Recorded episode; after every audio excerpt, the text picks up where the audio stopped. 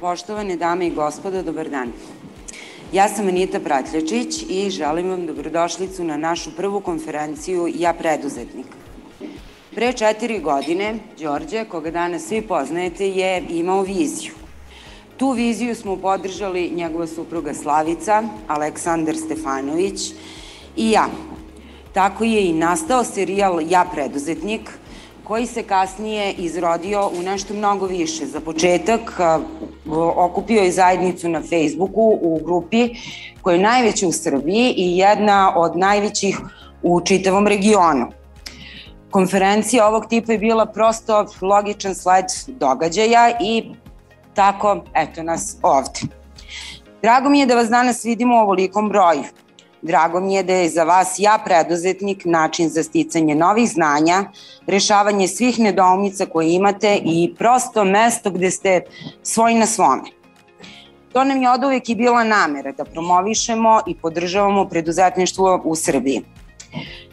Ali pored toga što vas podržavamo i idemo sa vama korak po korak u, u vašem razvojnom putu, mi želimo i da vas nagradimo a, u svoje. A, pored, ja se izvinjam, pored toga što ste na poklon dobili ovaj, knjigu autora našeg serijala Đorđe Petrovića Savremena porodična kompanija i profila na Management Drivesu, imamo još jedan poklon za vas. U stvari nije baš poklon, više onako šansa, ali ko ne proba, sigurno neće uspeti.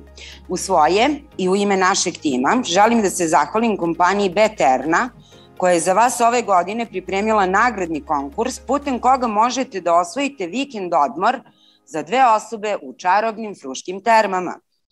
Uz uživanje i, i korišćenje i vodinog sveta, sauna sveta i aktivnosti avanturističkog centra po izboru. Na nagradni konkurs se možete prijaviti do sutra u 15 časova na, na, na Beterninom štandu koji se nalazi ovde u holu hotela, a srećni dobitnik će biti proglašen takođe sutra u 15.15 na pomenutom štandu. Znači, imate dovoljno vremena da se prijavite i učestvujete u nagradi za ovaj divan vikend. A sada bih pozvala Đorđe Petrovića da vam se obrati i proglasi konferenciju otvorenom. Đorđe.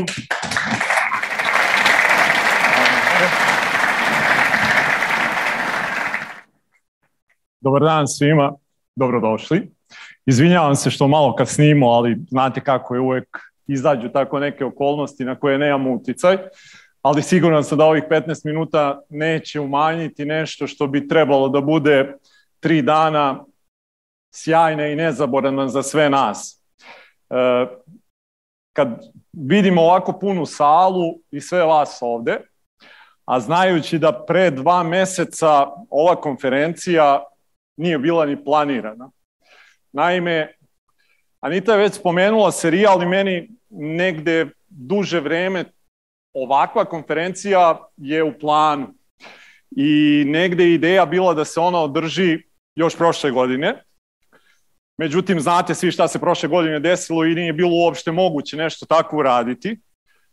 Onda je došla ova godina i ja sam negde razmišljao da te stvari uradimo u prvom delu, pa je onda cela ta epidemiološka situacija bila ovakva, onakva i negde pre dva meseca je počeo u meni da se javlja onaj osjećaj koji pretpostavljam, pošto je većina vas preduzetnika ovde, da ga jako dobro znate, da ova konferencija jednostavno mora da se održi. Kao svaki preduzetnik sam ga sledeo, sledio i prvi put 10.9. sam ja lično doneo odluku da će ova konferencija da se održi. 11.9. sam zvao ljude koji će biti danas ovde panelisti i govornici i naravno i u naredna dva dana i ono što me raduje je da niko od njih, osim onih koji su fizički bili sprečeni da budu danas ovde, nije rekao ne. 26.9. smo objavili prvi put na mrežama da će konferencija da se održi I ono što mogu da vam kažem je da bi u naredna tri dana trebalo da nas bude negde oko 170-180 ovde. Meni je to zaista neverovatna stvar da smo za nešto više od mesec i po dana uspeli da organizujemo jedan ovakav skup i da okupimo ovako fenomenalne ljude.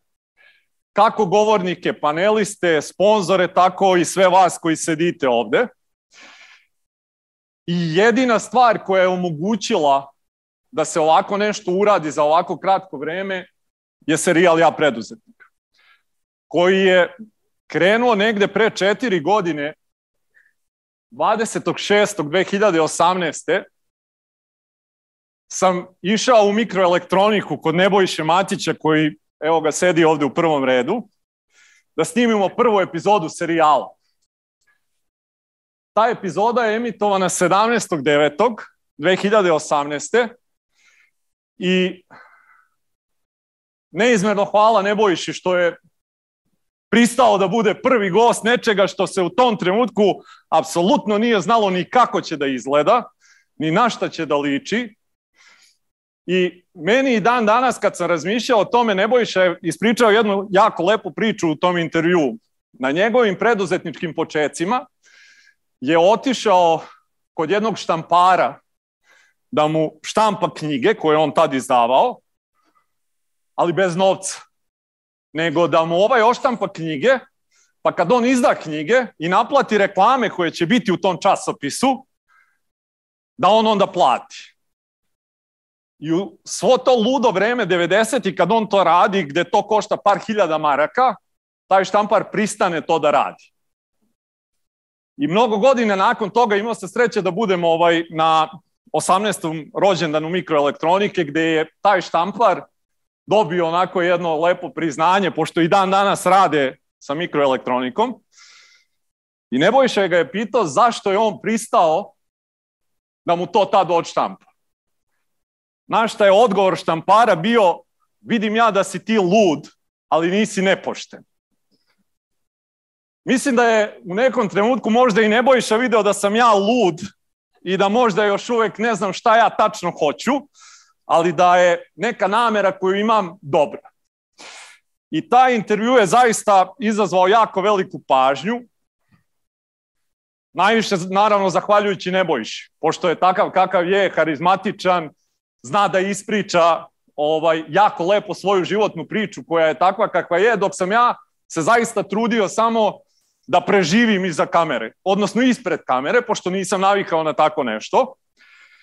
I nekako je to sve postajalo lakše sledeći put, ali ja zaista nisam novinar i nije mi ni malo bilo prirodno da se nađem u toj situaciji. Jedino što mi je bilo prirodno je da razgovaramo o nečemu što je jako velika moja strast, a to je biznis. I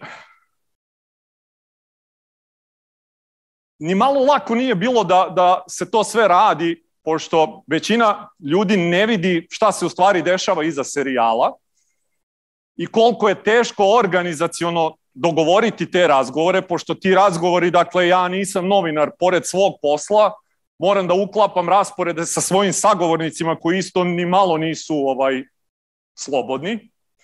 Znam sa Ljiljom Karaklajić da sam dogovarao razgovor, evo Ljilja sedi ovde jednu godinu i po dana.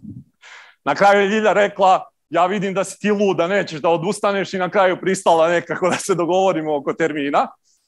Ali e, ono što me je teralo da nastavim da radim, pošto, kažem, jako je bilo teško organizacijalno, sa druge strane i finansijski, to treba sve nekako ovaj podržati, su ovakve dve stvari. Ove poruke koje ćete imati da vidite, jedan delić njih koje su dolazile i od nekih od vas koji ste danas ovde. Ovakve poruke i to nešto kad dobijete i vidite koliko to što radite utiče na neke ljude koji ne znate, koji niste sreli, koji vam, kao što ovde u ovom zadnjem komentaru stoji svaka sreća vas srela, kako kažu u njihovoj Hercegovini, vam jednostavno daje dodatnu motivaciju kakve ne znam, bilo kakva finansijska nagrada ili tako nešto ne može da donese.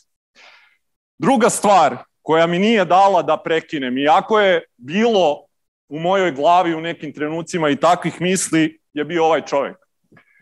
Erik Ponsen, koga sam imao ludu sreću da upoznam 2010. godine, tako što sam spremao svoju svadbu i sad u zapadnoj Srbiji se obično za svadbu spremaju čvarci. Za vas koji znate kako to izgleda, čvarci se spremaju, imate jednu veliku raniju koju u principu jedan čovjek meša. Može da ih ima dvojica, ovaj jedan se možda malo nekad umori, a svi ostali okolo moralno to podržavaju. Uglavnom pijući rakiju ili tako nešto. I u jednom trenutku se pojavljuje Erik koji je bio komšija tu gde je sve to rađeno i ja prvi put upoznajem tog čoveka sa kojim sam razvio u narednih sedam ili osam godina jedan neverovatan odnos koji je bio nešto što je totalno promenilo moj život.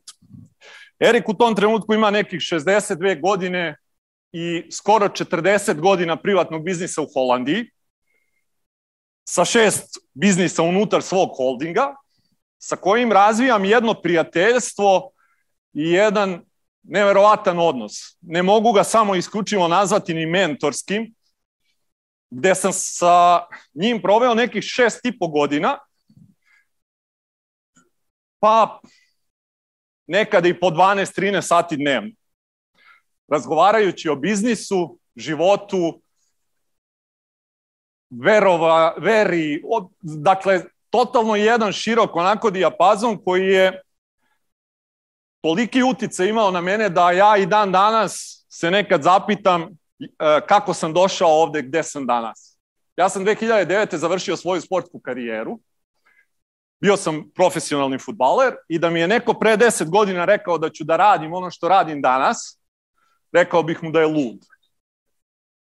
Imao sam sreće zahvaljujući ovom čoveku i tome što mi je prenosio znanja na način gde je rekao sve što sam naučio u životu ću pokušati da ti prenese.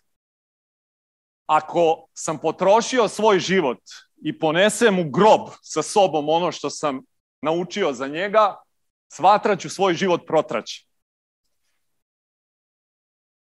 Ta relacija i tih šest i po godina provedenih sa njim, ti dani i dani razgovora, sati i sati na dnevnom nivou da su u jednom trenutku naše supruge počele da sumnjaju šta se tu dešava, je zaista promenilo moj život i sve ono što ja danas jesam i kao čovek, bilo poslovni, bilo ovako kao čovek, prijatelj, šta god. Iz tog nekog direktnog iskustva, nažalost Erik je 2016. u junu preminuo, i serijal koji radim je na neki način moj omaž njemu. I iz tog razloga postoji jedna neverovatna želja i moralna obaveza koju ja osjećam da delom ono što sam dobio na tacni od ovog čoveka vratim drugima. I obzirom da ja to nisam mogao da radim sam, je nastao serijal kao ideja da svi ljudi slični Eriku, koje mi imamo ovde kod nas, svoja znanja i iskustva koja nesebično žele da dele, da im samo damo priliku da to mogu da rade. I ono zbog čega sam jako srećen je da niko od gostiju koji su prošli kroz serijal nije odbio da to uradi. Do dan danas. Od trenutka, od onog prvog razgovora sa Nebrovišom do dana današnjeg, smo prešli 13.500 kilometara samo da obavimo razgovore sa klijentima sa, sagovornicima. Dakle, 13.500 hiljada kilometara je samo u autu preveženo i po našim putevima to negde dođe oko 200 sati. Sećam se isto i dan danas koliko je recimo sve to oko pokretanja serijala bilo konfuzno. Znam da kad sam krenuo na razgovor sa Nebojšom, ja još uvijek nisam bio siguran kako će to uopšte sve da se zove. I Sale me je pitao, Sale koja, znate, iza kamere uglavnom ovaj, saputnik, nekad i sapatnik na svim tim putovanjima, me je pitao, pamtim taj trenutak, idemo Ibarskom magistralom, spuštamo se ka Beogradu i on me pita kako će da se zove serijal, tad sam prvi put rekao ja preduzet. Iako ja to do tad u tom trenutku nije bilo u mojoj glavi, uopšte još uvek iskristalisam razgovarajući sa svim tim ljudima, ono što sam video i što mi je bilo jako začuđujuća stvar je da se većina njih između sebe ne poznaje. I da 90% njih je čulo za te neke svoje kolege, preduzetnike koji rade neke sjajne stvari, ali ih nisu znali lično. I onda sam krenuo da razmišljam zašto je to negde tako i u principu sam shvatio da mi nemamo nešto što bi okupilo preduzetnike kao takve negde. Imamo razna udruženja, postoje tu uh, dosta nekih organizacija koje rade sjajne stvari, ali nisu isključivo namenjene preduzetnicima, a ono što ja negde smatram, i to često govorim, jedino preduzetnik može da razume preduzetnik. Kao što ja ne mogu da razumem svoju suprugu, ma koliko mi ona pričala kako izgleda poroditi se. Jer nikad nisam prošao, niti ću ikad proći kod to, kroz to.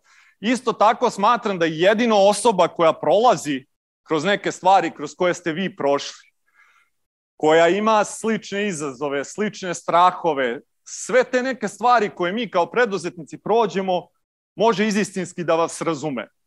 Možda ne čak ni da vam pomogne u tom trenutku, ali vam je nekad dovoljno samo da vidite da osoba sa kojom razgovarate razume o čemu pričate. I tu se prvi put javila ideja za ja preduzetni klub koji smo negde oformili u martu ove godine sa idejom da to bude upravo nešto što će biti naše i preduzetničko.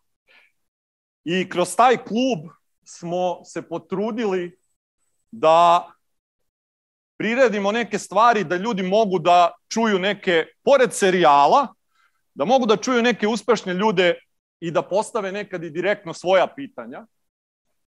Bio nam je gost Bojan Leković, bio nam je gost Andrija Gerić koji se pored preduzetništva bavi psihologijom. Bila nam je gošća Marija Desivojić Cvetković, jer onako kako se naše organizacije razvijaju, postaju nam važna i neka druga znanja koja nisu preduzetnička, nego više naginju ka menadžerskim. Počeli smo da izdajemo jedan bilten na mesečnom nivou koji obrađuje sve one teme koje su jako važne za poslovanje. I prvi put smo održali u junu mesecu jedan zajednički skup gde možete da vidite ovde par fotografija gde je isto gost bio Bojan Leković, gde su ljudi mogli da ga upoznaju, da ga pitaju neke stvari i ono što sam možda tad, možda i malo ranije naslutio još jednu stvar koju je serijal uradio koju ja nisam bio svestan u tom trenutku, a to je da je dao uzore našim preduzetnicima i preduzetnicama koje do tada nisu imali. Ja kad sam krenuo kao klinac da se interesujem za futbal, bilo mi je jasno ko su mi uzori. Piksi, Pančev, Belodedić, ta neka generacija mi je bila onako nešto ka čemu sam stremio. I manje više čega god da se dohvatite i krenete da se bavite, postoje neke jasne slike ljudi koji su vam uzori. Međutim, ako krenete da se bavite preduzetništvom, jako je teško te uzore naći. A uzori su jako važni jer nas vuku ka nečemu što mi želimo da postanemo. I ja sam se zaista u jednom trenutku zapitao ko su nama preduzetnički uzori i shvatio na osnovu svih onih poruka koje smo dobijali koliko ljudi je shvatilo da žele da budu možda kao Darko Budeć, kao Ljilja Karaklajić, kao Dušan Perović, kao Gaga Đermanović, kao Nebojša Matić, kao Buda Jovanović, kao Brana i Bane i još svi ljudi koje ćete imati prilike da vidite koje će proći ovde. I zaista sam negde jako ponosan kad sam osvestio to da je serijal upravo pružio tu neku stvar i kroz klub smo pružili priliku da te ljude upoznate lično. Da vidite kakvi su uživo, da se slikate sa njima, da ih pitate neke stvari koje vas muče, a koje su oni prošli. Naravno, nega prva stvar koja mi je bila zašto tih uzora nije bilo ranije, gde ste mogli da ih vidite? Kakva je slika koja postoji trenutno kod nas o preduzetništvu?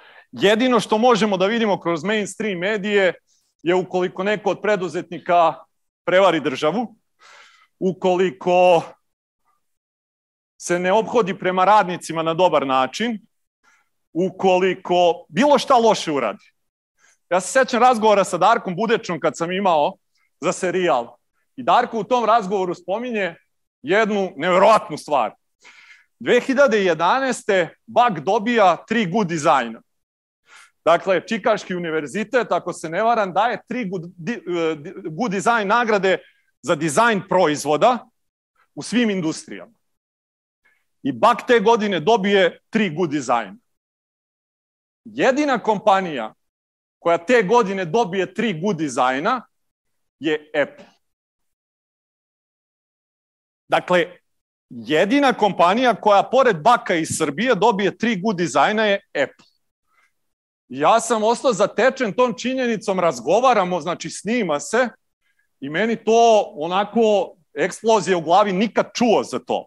Završi se razgovor, odem ukucam to, ovolika dva teksta. na nekim portalima. Ovolike dve rečenice.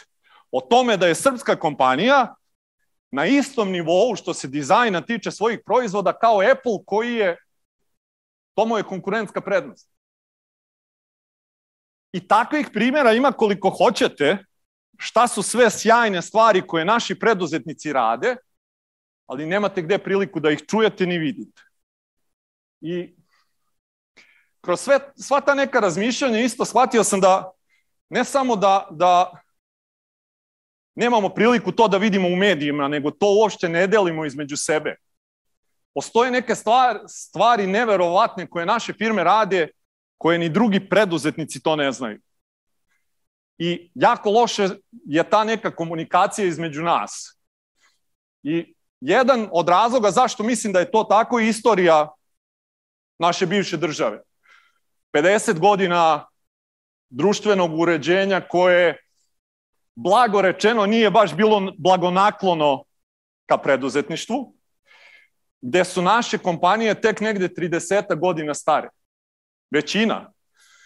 I kažem tek 30 iz razloga što za vas možda koji ne znate, imam firmu u Holandiji, naša matična firma je tamo i kad radite sa firmama u Holandiji koji imaju 30 godina, one kažu za sebe da su mladi.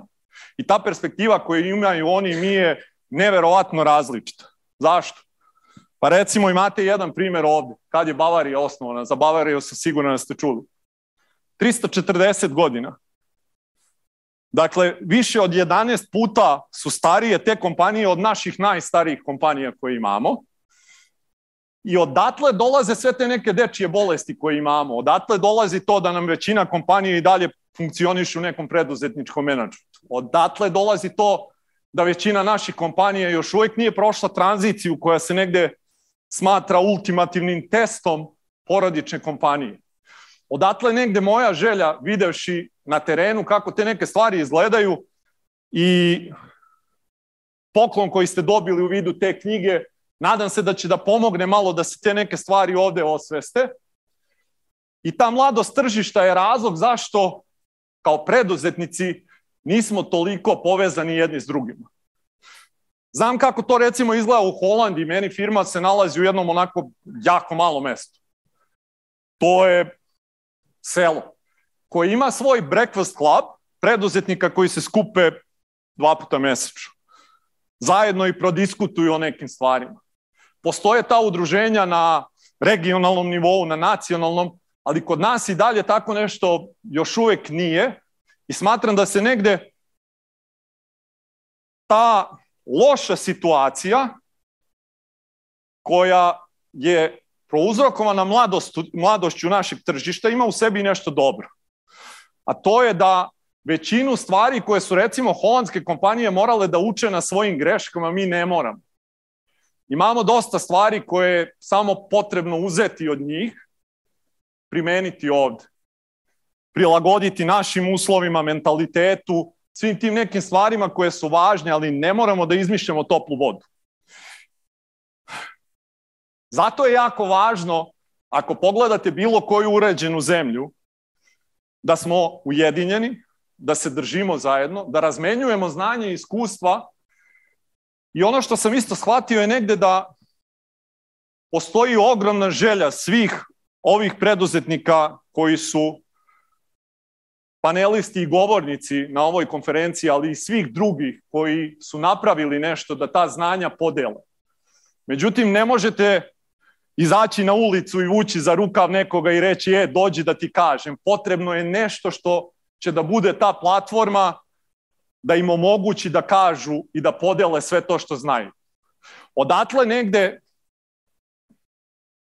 i moje razmišljanje i sve ovo što je do sad urađeno kroz serijal, kroz klub, kroz te poruke koje smo dobili od ljudi, je da se na neki način iskoristi serijal, klub i konferencija da budu ta platforma koja će omogućiti i da se upoznamo i da delimo znanje i iskustva i da se povežemo jedni sa drugima jer to je izuzetno važno. Da bismo stigli ta neka naprednija društva, jako je važno da ne pravimo greške koje su recimo generacije prvih preduzetnika koji imamo pravile. Jako je važno da se držimo zajedno i da shvatimo da nismo jedni drugima konkurencija, bez obzira možda čak i radili u istoj industriji i u istoj grani. I iz tog razloga mi je negde ideja da u narednom periodu i serijal dignemo na regionalni nivo. Kroz serijal je proizašla grupa na Facebooku koja ima preko 36.000 ljudi. Ljudi koje preduzetništvo zanima na ovaj ili na onaj način, neki se još uvek lome da li da uđu, neki su već zagazili u preduzetničke vode, neki su već od ljudi koji su bili gosti serijala deo te grupe. I možete da ih pitate direktno neka pitanja, a veliki broj tih ljudi je u Bosni, u Crnoj Gori, u regionu. I ono što smatram je da je uh, ceo region manje više kopirljiv i sva ta iskustva, znanja i teorije su primenjive iz Bosne na Srbiju i obrnuto. Ideja je da kreiramo te ja preduzetni klubove po većim gradovima. Dakle, da se umrežimo na nivou da svaki veći grad u Srbiji ima svoje neko udruženje koje će se skupljati možda jednom kvartalno, gde možemo recimo dovesti nekoga od ovih sjajnih ljudi koji su prošli kroz serijal, pa organizovati jedan onako panel tu na nivou grada, da možete da čujete neke stvari i iskustva koje su oni proživeli i koja su sticali na teži način. I sve vas koji možda želite da budete deo uh, ovoga da pomognete da se u vašim gradovima tako neke stvari pokrenu, zamolit ću vas da se javite u toku ove konferencije, da vidimo kako to možemo da uradimo. I zaista je ideja da se okupimo, jer ja sam svestan toga da serijal je odavno prerastao mene kao pojedinca i tim ljudi koji ga radi, da je postao jedna vrsta, ajde da, da tako kažemo, dobra cele preduzetničke zajednice. Isto tako mislim da ova konferencija nije moja. Duda baš iz Keller Williamsa je poslala, poslala poruku, ja mislim sinoć, je li tako? I poželela uspeh na mojoj konferenciji. Ja sam rekao, nije ovo moja konferencija, nego naša. I to zaista mislim tako. Dakle, da shvatite ovo kao nešto svoje, što će dati mogućnost da upoznate ljude slične sebi, da čujete njihova znanja i iskustva, jer mislim da nam je obaveza da novim generacijama preduzetnika, kao i ovim postojećim, olakšamo neke stvari. Baš iz ovih razloga, jer nam je istorija takva kakva je. Za kraj, pred kraj, još malo. Hoću da pogledate dobro ovu rečenicu. Ovo je izjava Abrahama Maslova koji je najveći psiholog rada koga smo imali ikad. Koji je rekao razlika između velikih i dobrih društava i nazadujućih, propadajućih društva je velikim delom u preduzetničkoj prilici i broju takvih ljudi u društvu.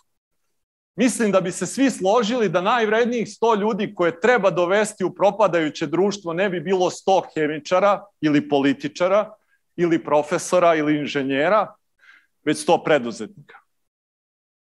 Želim da razumete koliko je vaša uloga u društvu velika, svih nas. Ni jedno društvo ne napreduje ukoliko nema preduzetničkog duha. ukoliko nema ljudi koji guraju te neke stvari i popravljaju ne svoje kompanije, nego svoja gradove, sela, varoši. I to se već ovde polako dešava kod nas. Imamo sjajne primere Imam sreću, evo, Bane i Brana su ovde iz Infostuda, koji su, Infostudije nedavno pokrenuo Subotica 20-30 projekat, gde žele od Subotice da naprave IT centar. I to ne dolazi od grada. To dolazi od preduzetničke inicijative, od kompanije koja je dovoljno sazrela i dovoljno velika da može da uradi tako nešto. I Subotica će postati bolja zahvaljujući njima. Keramika Jovanović sa svojim zrepokom, udruženjem na nivou Zrenjanina, radi isto sjajne stvari. Vladan Janković iz Gigatrona planira da pokrene školu za trgovce kako bi školovali svoje buduće kadrove.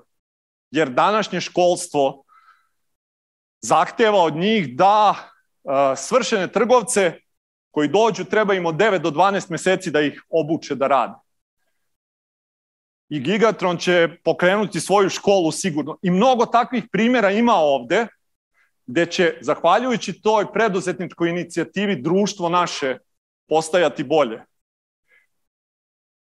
Mislim da će ti napori, ako smo zajedno i ujedinjeni, ishod svega toga biti mnogo veći nego ovako kao što svi to negde radimo na pojedinačnom nivou. Zaista veliko hvala panelistima i govornici. Mislim da niko od vas nema predstavu koliko je moje divljenje sprem svih vas za sve što ste uradili, za sve što ćete uraditi tek u nekim budućim vremenima i mogućnost da vas poznajem, da vas zovem svojim prijateljima je jedno od najvećih dostignuća koje sam ostvario za ovaj deo svog života.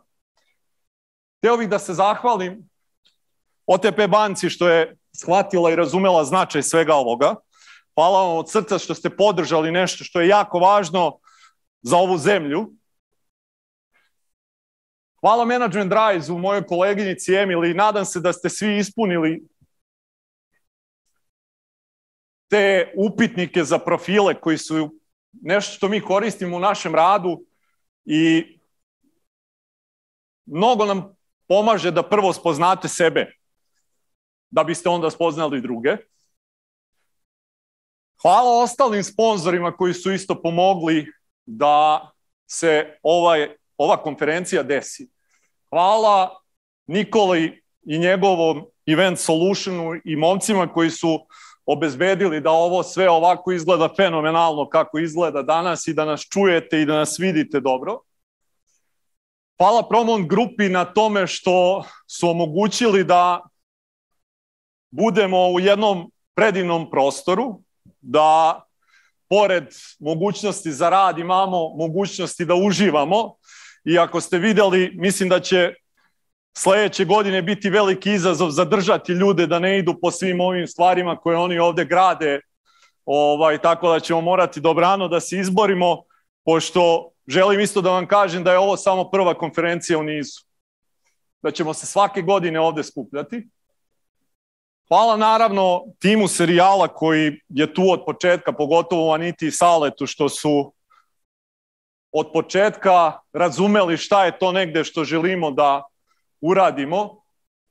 Mojoj porodici, naravno supruzi koja je danas ovde, koja je isto neko na koga se ja izuzetno puno oslanjam i koja se nedavno priključila isto samom radu koji imamo.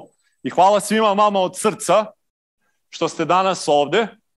Želim vam da učite od ovih divnih ljudi koje ćete imati prilike da vidite ovde na sceni da upoznate što više ljudi koji sede tu pored vas i koji sede na kontrastrani od vas, jer mislim da će vam to značajno obogatiti živote i da oba tri dana uživate, radite, da se provedete lepo i na koncertu Aleksandre Radović i da po završetku ova tri dana jedva čekate da se ponovo sledeće godine vidimo ovde. Hvala vam puno od srca svima. Thank you.